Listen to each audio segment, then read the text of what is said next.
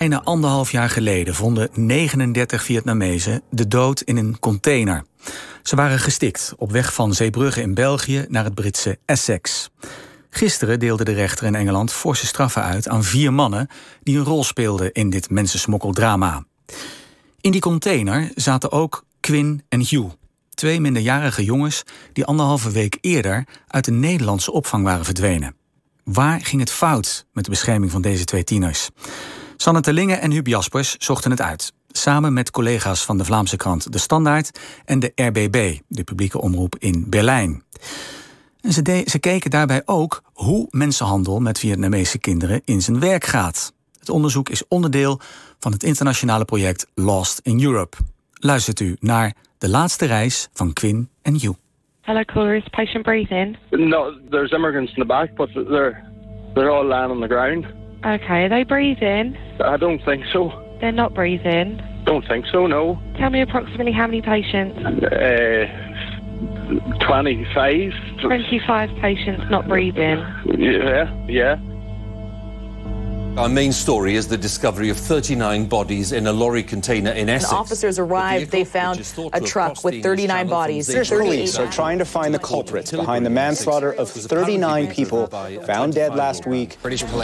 Midden in de nacht, om tien voor half twee, kreeg de politie een melding van ambulancepersoneel. Op een industrieterrein in een stadje bij Londen stond een vrachtwagen.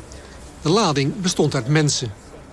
Emergency services attended, but sadly all 39 people inside the container had died. Early indications suggest that one of these people was a teenager. Onderzoek moet duidelijk maken hoe lang de mensen in de vrachtwagen al dood zijn.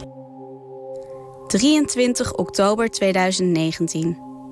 39 mensen worden dood aangetroffen in een koeltrailer. 31 mannen, 8 vrouwen. Lok ligt naast zijn vrouw van. Hij houdt haar hand vast. Ze zijn al een paar uur dood als de chauffeur de deuren van de container opendoet. Net als de andere slachtoffers komen ze uit Vietnam en hoopten ze in een koeltrailer naar Engeland te reizen. VIP, zo noemen de smokkelaars deze reisoptie. Dankzij de koelconstructie ruiken speurhonden niet dat er mensen aan boord zijn. Zo is er een grotere kans op een geslaagde oversteek. VIP. Families aan het thuisgrond zeggen dat ze dachten dat het ook een veilige en comfortabele reisoptie was. Ze betalen er extra voor. De container wordt hermetisch afgesloten. The trailer was loaded onto a ship called the Clementine. As the ship steamed towards England, the migrants were trapped inside the trailer in total darkness, with no way of opening the doors. De temperatuur loopt op. Een meisje maakt een selfie waarop te zien is hoe het zweet van haar lichaam druipt. Mensen trekken hun kleren uit. Er is een ijzeren staaf aan boord waarmee ze proberen om de deur open te breken. Sommige inzittenden worden gevonden met blauwe plekken en schaafwonden op hun armen. Om één minuut voor zeven probeert Luong, een jongen van 20, het Vietnamese noodnummer te bellen. Maar in de container heeft niemand bereik. Pham Tatar Me tried to make phone calls at 701, 702, 703 and 704 p.m., but none of them was successful. Om tien uur 's avonds wordt de lucht toxisch, verklaren forensisch experts later in de rechtbank. Negen uur zitten de Vietnamezen dan al opgesloten. De temperatuur is opgelopen tot bijna 39 graden. Dan wordt het weer koeler. Dat moet het moment zijn geweest waarop de passagiers stoppen met ademen. Twee uur later vaart de Clementine de haven van Purfleet binnen. Dat is te zien op beelden van bewakingscamera's die de politie in Essex heeft opgevraagd. Morris Robinson collected the trailer and drove out of the port just after one o'clock. Uit het politieonderzoek blijkt dat de smokkelaars heel goed wisten hoe gevaarlijk de operatie was. De organisator stuurt de chauffeur die de container ophaalt een berichtje via Snapchat. Geef ze lucht, snel, maar laat ze er niet uit. De chauffeur antwoordt met een opgestoken duimpje. Om kwart over één s'nachts opent hij de achterklep. Op camerabeelden is te zien hoe een dampwolk ontsnapt en de chauffeur anderhalve minuut bevroren blijft staan. Hij stapt weer in de vrachtwagen en belt zijn smokkelbaas. Pas 23 minuten later belt hij het alarmnummer. Hello, caller. Is patient breathing? 39 doden. 10 tieners. Twee van hen verbleven bijna vijf maanden in een beveiligde Nederlandse opvang in Kadir en Keer. Wat ging er mis? Daarvoor moeten we eerst terug in de tijd. Herfst 2018. We zijn net het onderzoeksproject Lost in Europe gestart. Met een internationaal team van journalisten onderzoeken we hoe het mogelijk is dat duizenden vluchtelingenkinderen van de radar verdwijnen na aankomst in Europa. We maken ons eerste grote verhaal. Zeker 60 Vietnamese kinderen zijn verdwenen uit de beschermde opvang. 60. Dat zijn twee schoolklassen vol. En de beschermde opvang is de meest veilige opvang die we in Nederland hebben. Daar worden kinderen opgevangen die groot risico lopen om slachtoffer te worden van mensenhandel en kinderen die net uit een mensenhandelnetwerk zijn ontsnapt of bevrijd. Goedemiddag. Hallo. Hallo. Ingrid. Hallo. Als eerste journalisten krijgen we toegang tot die opvang. We staan nu in de woonkamer met een aantal jongens. Is dat een probleem? Nou, de jongeren die hier zijn, zijn vooral druk bezig met de tv... om die weer aan het werk te krijgen. Dus dat is niet zo'n probleem. Nee. Wat, Mogen we de jongeren ook vragen stellen? Of nee, we hebben afgesproken dat we dat niet doen. Waar we vooral op willen insteken is van hoe ziet het eruit hier, dagelijks. Ja, dus deze jongere gaat nu koken. En hij is heel zorgzaam, want hij kookt ook voor alle anderen. Uh, Ik zag hem net een hele grote vis erbij pakken, inderdaad. Ja, dat klopt. Ja. Ik weet niet wat hij maakt, maar wat je ook pakt, het smaakt allemaal heel erg lekker. En hoe ze dat doen, geen idee. Over de verdwijningen wil de locatiemanager niks vertellen. Maar we krijgen interne rapportages in handen waaruit blijkt dat de opvang er enorm mee worstelt. Pupil droeg op de dag van vertrek een lange broek, terwijl ze daarvoor bij warm weer altijd een korte broek droeg. Alle persoonlijke bezittingen zijn achtergebleven. Ventilator stond nog aan, knutselspullen lagen nog op bureau. Mentoren denken dat ze onder druk is opgehaald. We hebben bij het inspecteren van zijn kamer een aantal teksten ontdekt die zich met Google Translate lieten vertalen als: Kan iemand me helpen? Vanochtend sprak ik een docente van school en ze gaf aan een schriftje te hebben gevonden. Op de voorkant staat afscheid. In het schriftje staan wat vertalingen van Nederlandse woorden, zoals zolder. Er staan vragen in over geld lenen, terugbellen, heb je een probleem? Daarnaast gaf de docent aan dat ze de muziekleraar gesproken had, die aangaf dat hij een briefje had gevonden. Hierop stond: Thank you for everything.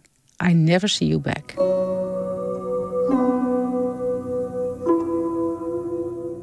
Dat was dus eind 2018.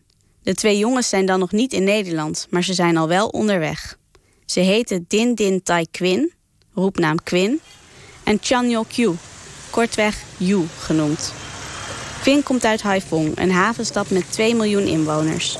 Een soort Marseille, met alle connotaties van dien. Rumoerig, een beetje mafioos, met een sterke drugsmafia en veel smokkel. Yu groeide op in Haiduong, een kleinere plaats langs de spoorlijn tussen Haiphong en Hanoi. Hij woonde bij zijn opa en oma, maar op het moment dat wij de beschermde opvang bezoeken... is hij vermoedelijk in Oekraïne. Het was er onmenselijk, vertelt zijn oma aan een Britse krant. Ze werden met 20 tot 30 mensen vastgehouden in een kelder. Er was geen plek om te wassen en hij had last van eczeem en andere huidproblemen door de barre omstandigheden. De puzzelstukjes van wat er met Vietnamese jongeren gebeurt liggen in verschillende landen. Daarom moet er veel meer internationaal worden samengewerkt. Dat zei ook nationaal rapporteur Mensenhandel Herman Bolhaar. Hij reageerde in het tv-programma Nieuwsuur op onze uitzending over de Vietnamese kinderen. Ik denk dat er een uh, groot probleem is uh, rondom de vraag wie zich nou echt zorgen maakt om deze kinderen. Deze kinderen lijken van niemand te zijn. Ze komen hier alleen naartoe met een grote internationale reis achter zich, met onbekende bestemmingen weer vertrekken. Wie maakt zich nou eigenlijk zorgen om hun lot? Er zijn genoeg aanwijzingen, dat blijkt ook uit, uit de reportage vanavond en ook de reportage van Argos die erover geweest is dat we ons erg zorgen moeten maken over het feit dat die kinderen vatbaar zijn voor uitbuitingssituaties. Je zou verwachten dat de politie daar volop in moet zetten, toch? Zaken die gaan om kinderen in zulke kwetsbare situaties... dat vraagt van de overheid een actieve beschermingsrol. En die actieve beschermingsrol betekent dat je erop afgaat. Vindt u dat de overheid verzaakt? Ik vind dat de overheid er veel actiever zich mee zou moeten bemoeien... dan nu het geval is. De toenmalige staatssecretaris probeerde het probleem nog te bagatelliseren. Hij zei dat er bij de uitvoeringsinstanties geen informatie bekend was dat er een smokkelnetwerk betrokken zou zijn bij de vermissingen. Maar de hele Tweede Kamer vroeg om onderzoek. Het expertisecentrum Mensenhandel en Mensensmokkel van de politie kreeg de opdracht om dat onderzoek uit te voeren. Ons project Lost in Europe groeide. Ons verhaal over de vermiste Vietnamezen haalde The Guardian in Engeland. In België deden collega's van KNAK, De Standaard en de VRT onderzoek. Daar bleken 44 Vietnamese kinderen vermist. Ook stuiten ze op uitbuiting in nagelstudio's. Het zijn vaak Aziatische jonge meisjes en mannen die daar werken. Ze werken daar lange dagen. Zeven op zeven zijn die salons open. Zou het in Duitsland ook zo'n probleem zijn? Collega Huub Jasper spreekt vloeiend Duits en heeft daar veel contacten. Hij is op zoek gegaan naar een goede journalist in Duitsland. Zo zijn we in contact gekomen met Adriaan Bartocha van de RBB, de publieke omroep in Berlijn. Adriaan ontdekte dat alleen daar al 474 Vietnamese kinderen worden vermist. Ja, hallo, schönen guten Tag naar Holland. Adriaan komt oorspronkelijk uit Polen. Het was hem daardoor al opgevallen dat via de Pools-Duitse grens steeds meer Vietnamezen worden gesmokkeld. Das hat uns überrascht, denn Vietnamesen haben ja in Deutschland kaum Aussicht auf Asyl. Also wer bringt sie her? Warum? Hij beet zich erin vast. Nach Gesprächen mit euch, mit Argos, haben wir festgestellt, auch hier sind unter den Eingeschleusten viele Minderjährige. Door het contact met jullie viel het ons op dat er onder de gesmokkelden veel minderjarigen zijn. En kijk nou, ook in Duitsland verdwijnen deze kinderen en jongeren op precies dezelfde manier als in Nederland. Genauso auf die gleiche Art und Weise wie in Holland. Samen met zijn collega Jan Wiese maakt hij een grote televisiedocumentaire die afgelopen maandag is uitgezonden. Und haben dann halt festgestellt, dass es sich eindeutig um Menschenhändlernetzwerke handelt. Conclusie: het gaat niet alleen om mensensmokkel, maar ook om mensenhandel. Maar daarover later meer. De periode waarin wij onze Duitse collega's ontmoeten, is namelijk ook de periode waarin Joe en Quinn in Nederland aankomen. Het gaat inderdaad vandaag over 27 mei 2019. Op die dag, om vijf voor één 's middags, komt een vrachtwagen met een koeltrailer, bestuurd door de Roemeense chauffeur, aanrijden bij de uitreidscontrole van Stenen in Hoek van Holland. Ze werden in een vrachtwagen gesmokkeld vanuit Duitsland, zegt officier van justitie Mirjam Blom tijdens de rechtszaak tegen de chauffeur en diens opdrachtgever. Officieel bestond de lading uit kunststof kozijnen, maar de wagen stond vier nachten bij een tankstation bij Keulen. De achterdeur zat niet op slot. Om zeven uur ochtends kreeg de chauffeur een telefoontje dat hij naar Hoek van Holland moest rijden. Toen de hondengeleider met de migratierond langs de trailer liep, begon deze te blaffen. En dat deed het vermoeden reizen dat er mensen in de trailer zaten. Die hond was aangeslagen bij de controle. En ehm, ja, toen zijn we erin geklommen en uh, naar uh, achteren gekropen met z'n tweeën. Twee wachtmeesters van de marechaussee vertellen ons hoe ze de Vietnamezen aantroffen. Het is op de eerste oogopslag is het gewoon een, uh, een normale koeltrailer. En je merkt wel dat de koelmotor niet aanstaat. Wij zagen door een klein rooster achter een gezicht. We hebben dat opengemaakt en de mensen eruit gehaald die we zagen zitten. En dat waren er vijf à zes. En uh, toen kroop hij eigenlijk al naar achter, want toen hoorde ik gebonk. Dus toen zei ik tegen hem van ja, kom maar even terug, want volgens mij was dit het niet. Bij de rechtszaak tegen de smokkelaars horen we dat de vrachtwagen in Engeland is omgebouwd. Dat werd georganiseerd door de mastermind van de organisatie. We noemen zijn naam niet, maar het gaat om een smokkelbaas in Manchester. Hij regelde dat er camera's en een trekker in de truck werden geplaatst. En er werden drie verborgen compartimenten gemaakt. Daar moesten de Vietnamezen in. Als we dat gat doorkeken waar ze eruit kwamen... dan zagen wij gewoon een bodem en de aluminiumfolie langs alle kanten. En toen klapte in die bodem klapte een luik open. En daar kwam een hand doorheen. En toen kwam er een uh, heel lichaam achteraan. En toen vroegen wij aan hem van uh, how many? En zei hij uh, vijf. En toen kwamen uit die nog vijf. En daaronder zat nog een laag. En daar kwamen er weer vijf uit. Uh, de luik waar zij doorheen moesten, daar pas ik zelf niet doorheen. Je zag ook wel dat ze over elkaar heen uh, lagen. Ze konden niet hun benen kwijt en dat ze echt een eigen plekje hadden. En iedereen lag een beetje over elkaar heen. Uiteindelijk trof de marechaussee 15 personen aan in die geprepareerde ruimte. Elf mannen en vier vrouwen. En ze waren er niet best aan toe. Er moest een ambulance ter plaatse komen om de mensen te controleren. Onderzoeksbureau TNO heeft berekend dat er maar voor anderhalf uur zuurstof zou zijn als de trailer stilstond. Dat betekent dat de Vietnamezen de oversteek naar Engeland waarschijnlijk niet zouden hebben overleefd. En onder hen bevonden zich twee minderjarigen. Quinn en You. Dit geeft al aan dat de organisaties die zich bezighouden met dit soort mensensmokkel niet ontziend te werk gaan en mensen smokkelen onder levensgevaarlijke omstandigheden. Ze waren gewoon doorweekt van het zweet. Een hele grauwe blik in de ogen. En op het moment dat ze uit de verborgen ruimte komen, happen ze meteen naar zuurstof. Heb je vaker zoiets meegemaakt? Niet zo heftig. Je moet wel echt heel slecht hebben in je eigen land wil je dit doen. U luistert naar Argos, het onderzoeksprogramma van Human en de VPRO op NPO Radio 1. We vertellen het verhaal van Yu en Quinn. Twee Vietnamese jongens die op 23 oktober 2019 dood zijn aangetroffen in een koeltruck in Engeland. Maar daar zijn we nog niet. Op dit moment zijn Yu en Quinn juist net door de marechaussee uit een koeltruck gered. In Hoek van Holland. Ze worden naar de beschermde opvang gebracht. Juist ja, die beschermde opvang waarvan we hebben ontdekt dat er zoveel Vietnamese kinderen uit verdwijnen. Mijn naam is uh, Joella Bravo Mugan. Ik ben uh, advocaat, nu 12 jaar. En ik uh, ben eigenlijk vanaf het begin af aan al gespecialiseerd in de bijstand van asielzoekers, vluchtelingen en de bijstand aan slachtoffers mensenhandel, waaronder minderjarigen. Een van de redenen waarom we u heel graag wilden interviewen is dat u ook de advocaat bent geweest van twee jongens die in de beschermde opvang zaten. En wij noemen ze Hugh en Quinn. Bij mij waren ze bekend onder andere namen. Ik noemde ze Tran en Nam. En Tran is dan Hugh? Hugh, ja. Wat waren dat voor jongens? Dat waren eigenlijk twee hele leuke Vietnamese jongens... die ik dus ontmoette in de beschermde opvang. Ze waren toen enkele weken in Nederland... omdat ze zijn aangetroffen in een uh, container in de haven. En toen uh, zijn meegenomen en uiteindelijk in de beschermde opvang zijn geplaatst...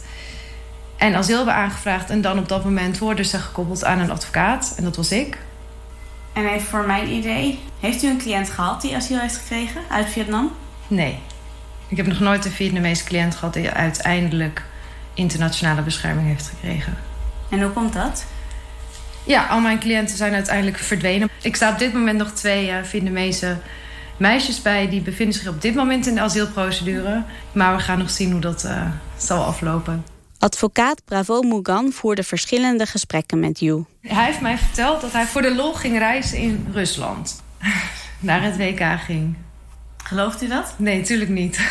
Beetje bij beetje begint Yu meer te vertellen. Ik had het idee dat Yu het idee had dat het een doorreisland was. Dat, dat hij niet uiteindelijk zou gaan werken daar in Rusland. En hij is uiteindelijk dus ook vertelde mij dat hij is... Uh, verder is vervoerd naar de Oekraïne, waar hij daarna ook weer een aantal maanden heeft gewacht en toen is hij doorgereisd. Over de tijd in de Oekraïne vertelt uh, Joe mij ook dat hij, dat, daar heb ik hem nog uh, naar gevraagd of hij het huis uit mocht. En dat mocht niet. Hij mocht alleen even naar boven om tv te kijken. En heeft u een indicatie waar hij dan Quinn heeft ontmoet? Was Quinn er ook al het bij?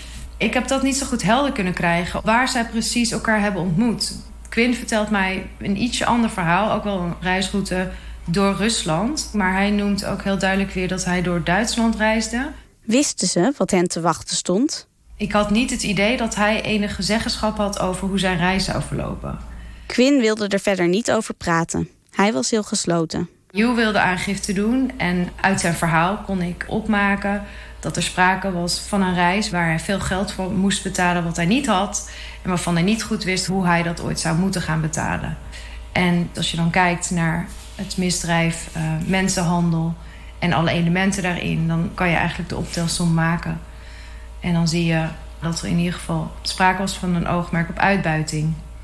Dat hij uiteindelijk gedwongen zou worden om op een of andere manier die hele hoge reissom terug te moeten betalen.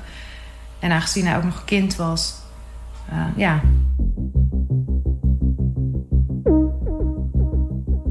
Onze Duitse collega Adrian Batocha zei het ook al. Het gaat niet alleen om mensensmokkel, maar ook om mensenhandel. We merken dat Duitsland steeds terugkomt in de dossiers. En, wat we net ook al vertelden, Adriaan is er het afgelopen jaar diep ingedoken. Daarom hebben we hem gevraagd hoe georganiseerd die Vietnamese netwerken nou echt zijn. Hij begint meteen te vertellen over een van de hoofdpersonen in zijn film, Andrzej. Andrzej is een Polnische Schleuser uit Warschau. Andrzej is een Poolse smokkelaar uit Warschau... die aantoonbaar honderden Vietnamezen via Litouwen en Polen... naar Duitsland, België, Frankrijk en Nederland heeft gebracht. Ook kinderen. Das ist ein Schwerkrimineller, kommt aus dem Umfeld der Pruschkow-Mafia. Hij is een zware crimineel uit Warschau, meermaals veroordeeld. Hij is verbonden aan de beruchte Poolse Prushkov-maffia... die in de jaren 90 heel veel angst en schrik zaaide. Ze hielden zich toen ook bezig met autodiefstal. Op bestelling stalen ze auto's in het westen en brachten ze naar Rusland. Als dann die vietnamesische Organisation in Warschau ihn gefragt hatte, ob der für sie arbeiten will, hat er natürlich zugegriffen. Toen een Vietnamese organisatie in Warschau hem vroeg of hij voor hen wilde werken, heeft hij natuurlijk ingestemd. Het is lucratief. Er waren zoveel Vietnamezen die hij naar het westen moest brengen, dat hij er zelfs mensen voor in dienst nam. Anjays vietnamesische Auftraggeber haben ja nicht nur Menschen nach Westeuropa gebracht, sondern auch Drogen, vor allem Crystal Meth. De Vietnamese opdrachtgever van Anjay handelde niet alleen in mensen, maar ook in drugs. Vooral crystal meth. Het zijn geen kleine vissen. Anjay is inmiddels veroordeeld wegens mensenhandel. Hij zit in de gevangenis. De rechtbank achtte bewezen dat hij in een paar maanden tijd honderden ritten had gemaakt. In de GPS-systemen van de gebruikte huurauto's is te zien dat de bende ook naar Frankrijk, België en Nederland reed.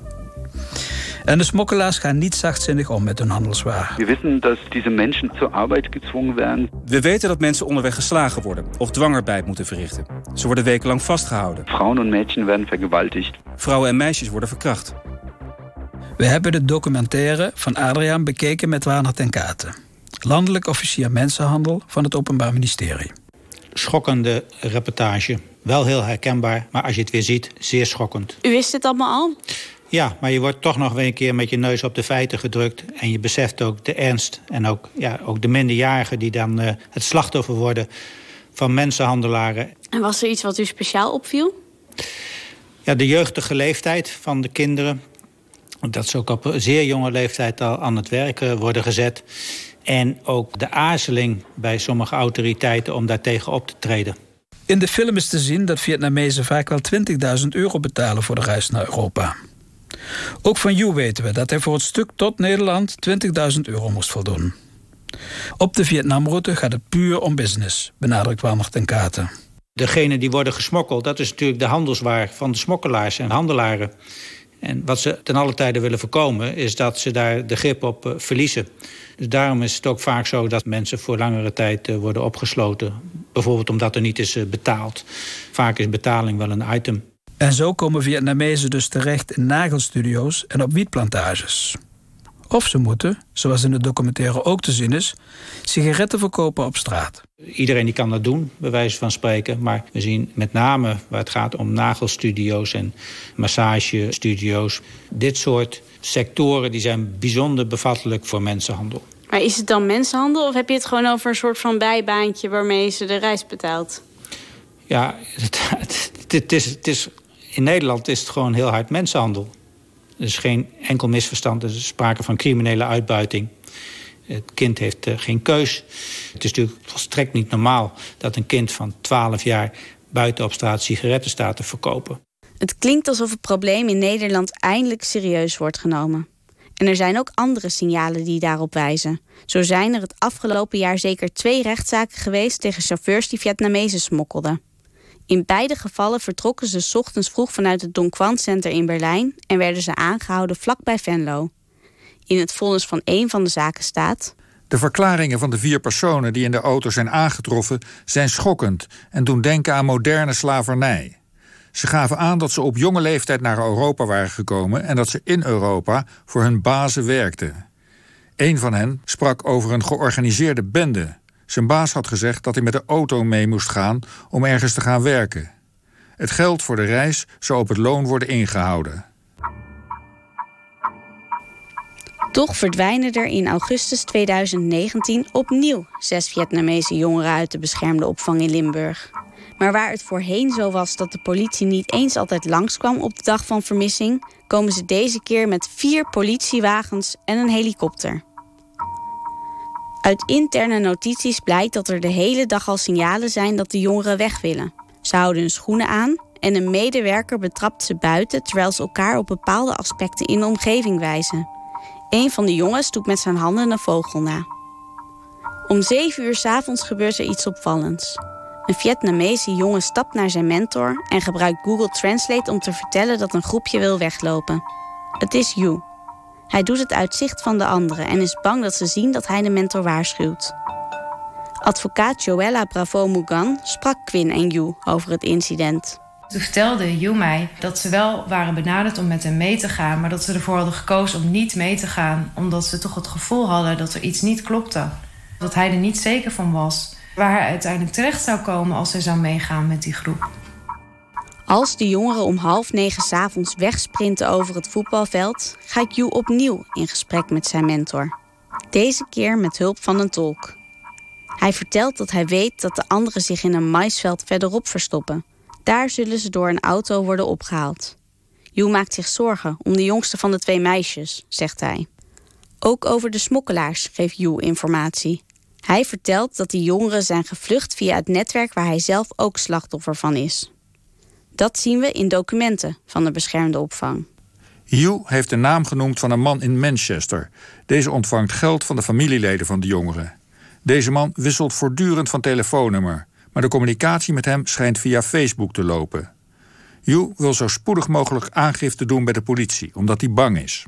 In eerste instantie was de reactie van de politie dat Hugh niet zoveel wist te vertellen, uh, niet zoveel informatie had. Dus het nut van het doen van aangifte niet zo goed uh, werd ingezien. Want het is eigenlijk heel uniek, toch, dat hij aangifte wil doen? Dat klopt, ja. Dat was mijn eerste Vietnamese cliënt die aangifte wilde doen. En durfde te praten. Ook aan advocaat Bravo Mugan vertelde Yu over de organisatie waar hij zo bang voor was. Hij vertelde mij dat een belangrijke persoon in het netwerk iemand in Manchester was in Engeland. Ik dacht ook wel dat het relevant zou zijn voor de politie om te weten. En dat het mogelijk zou kunnen bijdragen aan hopelijk een groter onderzoek daarnaar. Yu mag uiteindelijk aangifte doen bij AVIM, de afdeling Vreemdelingen, Identificatie en Mensenhandel van de politie. Als slachtoffer mensenhandel zou hij, zolang het onderzoek loopt, recht hebben op een B8-vergunning. Een verblijfsvergunning die geldt voor de tijd dat het onderzoek duurt. Maar de politie laat Yu geen aangifte doen van mensenhandel, maar van mensensmokkel. Dan, op 23 oktober 2019, de dag van het Essex-drama, ontvangt advocaat Bravo Mugan een e-mail van de voogd van de jongens. Dat was uh, nou, een aantal weken nadat Hugh aangifte had gedaan bij de politie. En de voogd schreef mij... Helaas is Hugh vorige week met onbekende bestemming vertrokken. De B8 is niet afgegeven omdat er volgens AVIM geen sprake is van mensenhandel... maar van mensensmokkel. Hij is samen met Nam weggelopen. En Nam is dan Quinn. En ik had natuurlijk ook gehoord over dat drama. En het eerste wat er door mijn hoofd ging was... oh nee, laat het niet een van mijn cliënten zijn. Ik word er nog een beetje emotioneel van. Denkt u dat Joe is weggelopen omdat hij geen bescherming kreeg? Kijk, Joe die gaf mij heel duidelijk aan dat hij het gevoel had dat er iets niet klopte aan die reis en zijn eindbestemming. Dus hij zei: Ik wil graag in Nederland bescherming. De asielprocedure liet op zich wachten. Hij wilde aangifte doen van mensenhandel, maar er werd gezegd: nee, er is geen mensenhandel. Het is alleen mensensmokkel. Dus ook op die manier zou hij geen bescherming krijgen. En dus had hij geen alternatief in Nederland. Hij zou hier geen bescherming krijgen. En die schulden moeten afbetaald worden. En er wordt wellicht aan hem getrokken door een netwerk die hem daaraan herinnert. Ja, dan vind ik het niet gek dat hij uiteindelijk is weggelopen, zoals al die anderen.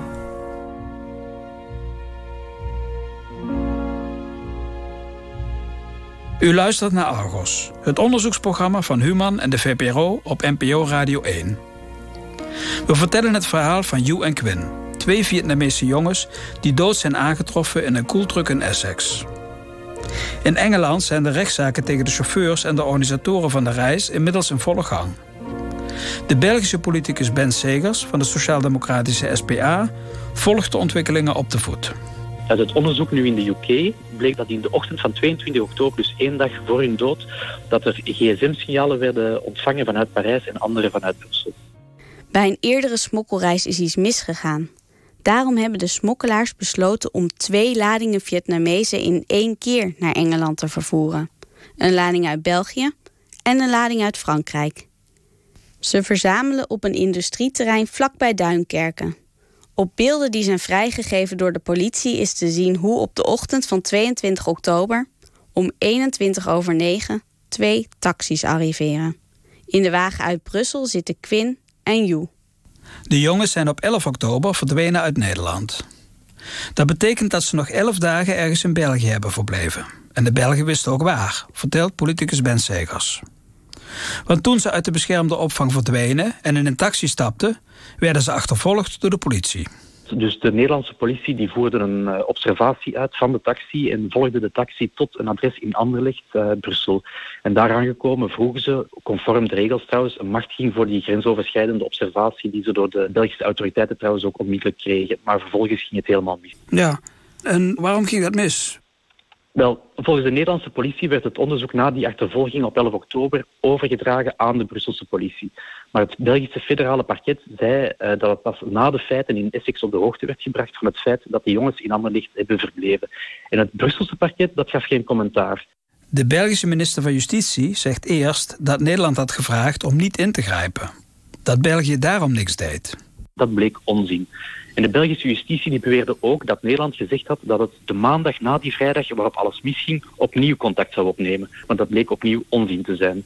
En de Belgische justitie die beweerde ook nog dat het niet beschikte over aanwijzingen van mensensmokkel. Dat het niet kon weten wat er aan de hand was. Opnieuw onzin. Segers legt uit dat België uitstekende regelgeving heeft. Na de Nederlandse tip had meteen de gespecialiseerde magistraat op de hoogte gebracht moeten worden. Maar dat gebeurde niet. En aangezien het om minderjarigen ging, had ook de dienst voogdij ingeschakeld moeten worden. De jongeren die werden simpelweg vergeten. Dat is voor mij ook het verontrustende. Uh, fouten die gebeuren nu eenmaal helaas. Maar het minste dat ik nu wil, is dat we hier nu lessen uittrekken. Dat we in de toekomst beter doen. Dat zijn we ook verplicht aan de Essex-slachtoffers. Maar hoe is het nou precies gegaan in die samenwerking tussen Nederland en België? De Nederlandse politie reed achter Hugh en Quinn aan. En toen? We hebben het gevraagd aan Warne ten Katen, landelijk officier mensenhandel.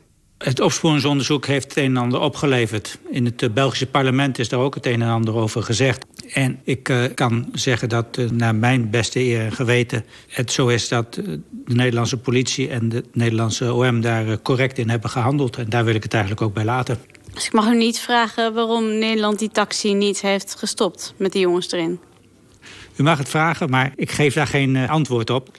Klopt het wat de Belgische minister zegt dat Nederland nalatig is geweest? Daar is hij later weer op teruggekomen. En in die tweede versie kunt u zich beter vinden? Uiteraard, want ik denk dat hij ook meer recht doet aan hetgeen wat er is gebeurd. Maar wat is er dan gebeurd? Dat weten we nog steeds niet. Dus vragen we twee Lost in Europe collega's in België om ons te helpen.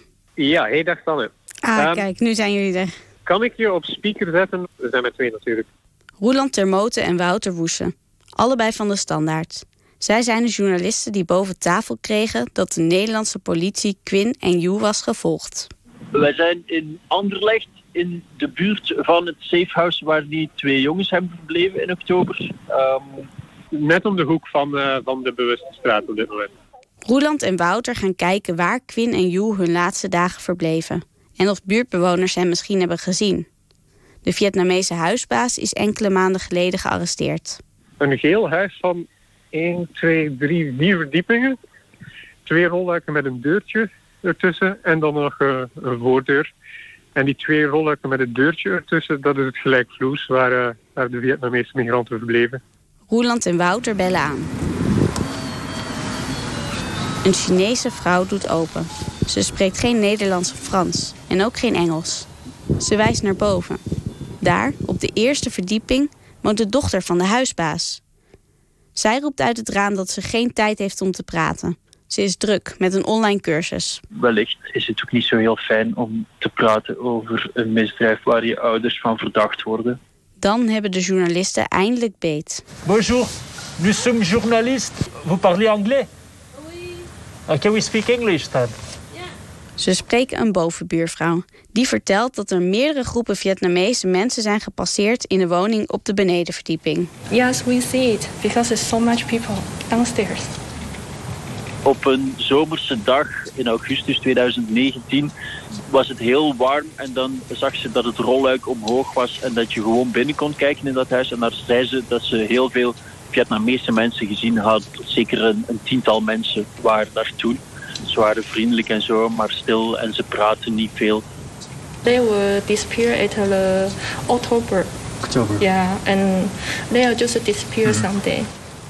Nog geen week na het Essex-drama wordt de benedenverdieping verhuurd aan de Chinese vrouw. Zij weet van niks. Alles hier wijst op een goed geoliede organisatie die precies wist wanneer het te heet onder de voeten werd. Toch blijft de vraag: als de Belgische autoriteiten wisten dat Yu en Quinn hier waren weggestopt, waarom deden ze dan niks? Ja, dat is de vraag. En dat is een vraag die in grote mate onbeantwoord eh, gebleven is tot nu toe. Omdat die Belgische autoriteiten, in dit geval het Brussels parket, wel toegegeven heeft dat er ja, een vermoeden was van mensensmokkel. En dan schrijven ze zwart op wit dat ze, ofschoon ze dat wisten, toch niet opgetreden hebben. En wanneer wij hen dan de vraag voorleggen, ja, men legt juist helemaal uit wat er toen gebeurd is en waarom jullie niet opgetreden hebben, dan blijft het antwoord vaag. In België is de gedachte dat de eigen autoriteiten nalatig zijn geweest, maar dat Nederland het allemaal goed heeft gedaan. De Nederlandse politie is tenslotte achter Quinn en Joe aangereden. We horen zelfs dat ze nog twee uur voor de deur van het safehouse hebben staan wachten, in de hoop dat de Belgen de observatie zouden overnemen. Toch gaan alle deuren dicht als we hierover vragen stellen. Landelijk officier mensenhandel Warner ten Katen wil geen uitspraken doen omdat het Belgische onderzoek nog loopt. Het OM in Limburg zegt dat we al met Warner ten Katen hebben gesproken en geeft ons daarom geen interview. En zelfs de beschermde opvang wil ons niet meer te woord staan. Ik had ergens een vermoeden dat de Nederlandse autoriteiten ook heel karig waren met informatie voor mij. En ik heb lang niet begrepen waarom. Dat ik dacht, jullie hebben alles goed gedaan en in België is het verknoeid. Dan zou je bijna blij zijn als je door een journalist gebeld wordt en dat eens kunt vertellen. Het heeft te maken met één grote vraag. Waarom heeft de politie de taxi met Yu en Quinn niet gestopt? We ontdekken dat de beschermde opvang de jongens veel vrijheden gaf. Juist omdat ze al maanden lieten blijken dat ze echt niet weg wilden. Om tien over vier stappen ze op de fiets naar Maastricht. Ze mogen twee uur wegblijven. Een woordvoerder van het COA zegt meermaals dat de beschermde opvang echt geen signalen of vermoedens had dat de jongens zouden vertrekken. Na lang heen en weer mailen bevestigt hij wel dat er ochtends een incident is geweest. Een van de jongens was betrapt met een mobieltje. Die zijn verboden in de opvang. Dat incident is aan de politie gemeld. Maar, zo zegt de woordvoerder, als de politie de jongens in het vizier had of een onderzoek aan het draaien was, dan was dat niet bekend bij de opvang. De Belgische collega's achterhalen dat de politie Quinn en Yu al observeert vanaf het moment dat ze uit school komen. En dus al voordat ze op de fiets naar Maastricht gaan. Ze achtervolgen de jongens terwijl ze een Aziatische supermarkt bezoeken en ook als ze daarna doorfietsen naar de dorpstraat. Daar stappen de jongens om tien voor zes in de Belgische taxi. Het duurt 25 minuten tot ze bij de Belgische grens zijn. Al die tijd rijdt het Nederlandse observatieteam achter ze aan. En ook later nog, in België. Om zeven minuten over half acht ziet de politie hoe Quinn en Yu het safehouse binnengaan. Het lijkt er dus op dat de politie er heel bewust op heeft ingezet om de jongens te volgen en zo het netwerk in beeld te krijgen. Maar mag dat eigenlijk wel?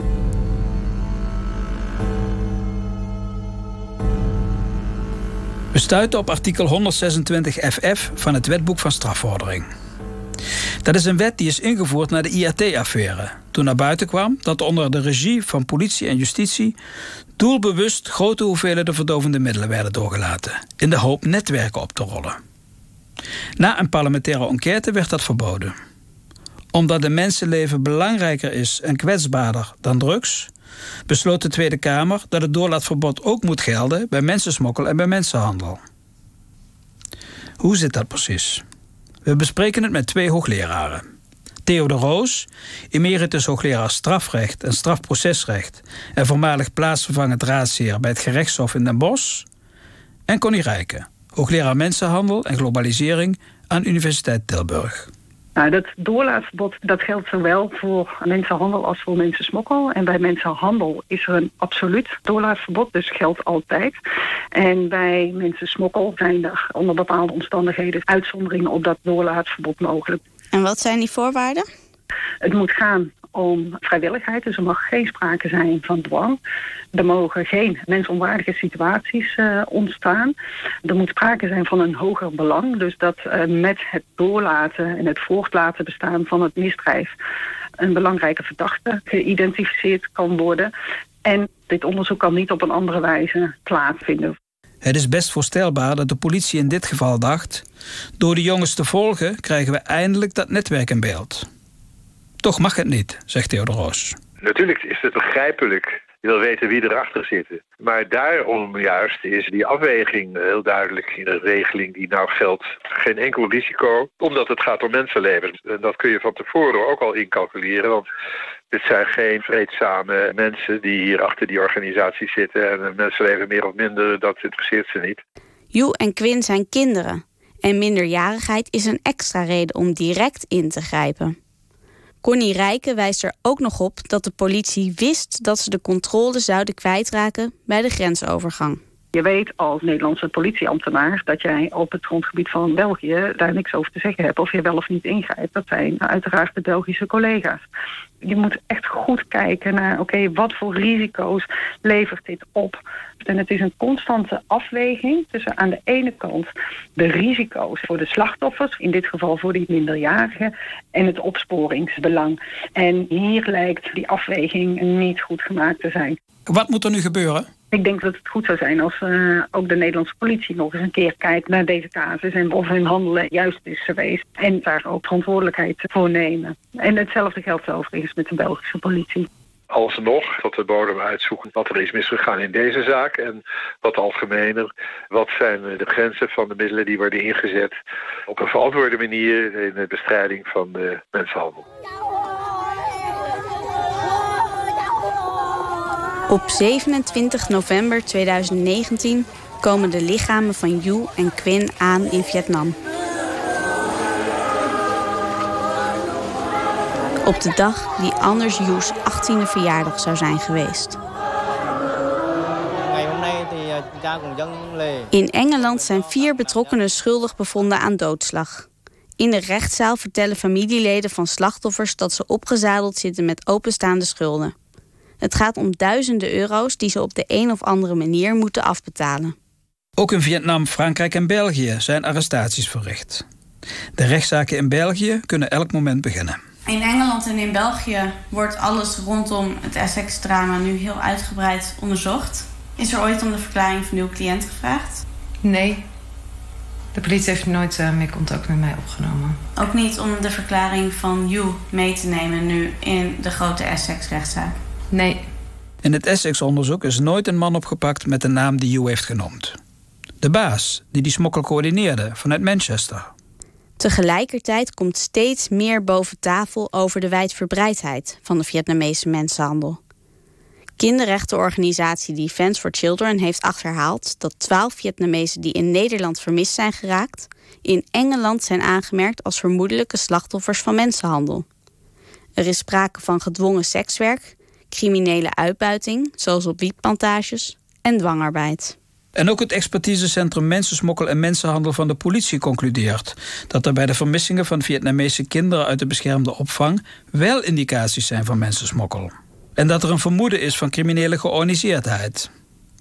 Er staat ook dat de smokkel bijna altijd tot doel heeft de migranten uit te buiten. En dat is dus mensenhandel. We zijn erachter gekomen dat het ministerie niet blij was met deze conclusie. De staatssecretaris had toch juist gezegd dat er helemaal geen indicaties waren van mensenhandel en mensensmokkel? Hoe gaan jullie dit oplossen? vroeg het ministerie van Justitie aan het expertisecentrum. We krijgen te horen dat het ministerie probeerde om de conclusies van het rapport te beïnvloeden. We dienen een WOP-verzoek in bij de politie, waarin we onder andere vragen om alle communicatie rondom het rapport. Maar een half jaar later hebben we nog steeds geen antwoord. Ruim een maand voor deze uitzending leggen we de kwestie voor aan persvoorlichting. Die sluiten hun antwoord kort met het ministerie en zeggen... Het ministerie heeft inderdaad gebeld dat de conclusies van het rapport anders waren... dan wat de staatssecretaris tegen de Tweede Kamer had gezegd. Maar dat was alleen een constatering. Het ministerie van Justitie zegt in een reactie zich niet te herkennen in het geschetste beeld. Ze hebben alleen verduidelijkingsvragen gesteld. Toen we onze eerste uitzending over de vermiste Vietnamezen maakten, waren er 60 kinderen vermist. Inmiddels zijn het er meer dan 100. Ik sta op dit moment ook twee Vietnamese meisjes bij. Die, dus er eh, komen nog steeds Vietnamese minderjarigen naar Nederland, ook tijdens de coronacrisis. Oh ja, zeker, ja. En wat is hun verhaal? Het toont uh, veel gelijkenissen met de andere verhalen. Ook zij hebben een reis ondernomen via Rusland. Ook zij vertellen mij dat er een uh, hoge schuld is die nog moet worden betaald. Een van de meisjes heeft verteld dat schuldeisers achter haar familie aanzitten. Het zijn ook die schuldeisers die de reis hebben georganiseerd. Zij kon mij ook vertellen dat er ook echt is verteld door de mensenhandelaren dat diegene die de reissom niet zou kunnen betalen, dat hij dat moest verdienen. En daarbij is prostitutie ook genoemd. En die meisjes die willen in Nederland blijven? Ja. Heeft u het idee dan dat de opsporingsinstanties hebben geleerd van Essex? In eerste instantie had ik dat niet, omdat toen ik contact met de politie opnam dat mijn cliënten aangifte wilden doen, ik het antwoord kreeg dat er geen aangifte zal worden opgenomen van mensenhandel, want er is sprake van mensensmokkel. Uiteindelijk heb ik ze herinnerd aan Essex en is er wel een aangifte aan mensenhandel opgenomen. Alleen als uiteindelijk het onderzoek dan toch wordt stopgezet en er verder niets met de zaak wordt gedaan, dan denk ik dat we dus niet verder zijn gekomen. Maar hoe lang hebben ze onderzoek gedaan? Ik scroll nu door de computer. Ik uh, zoek het, um, de reactie van uh, de politie. Wel geteld. Twaalf dagen zitten tussen de aangifte en de voortijdige beëindiging. Ja, ik lach een beetje, maar ja, ik heb dit soort voortijdige beëindigingen al zo vaak gezien. Dit meisje wist een plek te noemen waar ze is vastgehouden. Nou ja, zo gebeurt er natuurlijk nooit iets.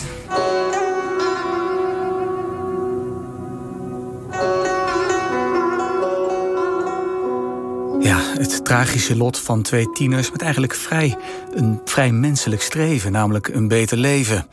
U luisterde naar een reportage van Sanne Terlinge en Huub Jaspers... met medewerking van Roeland Termoten, Wouter Woesen en Adriaan Bartoga.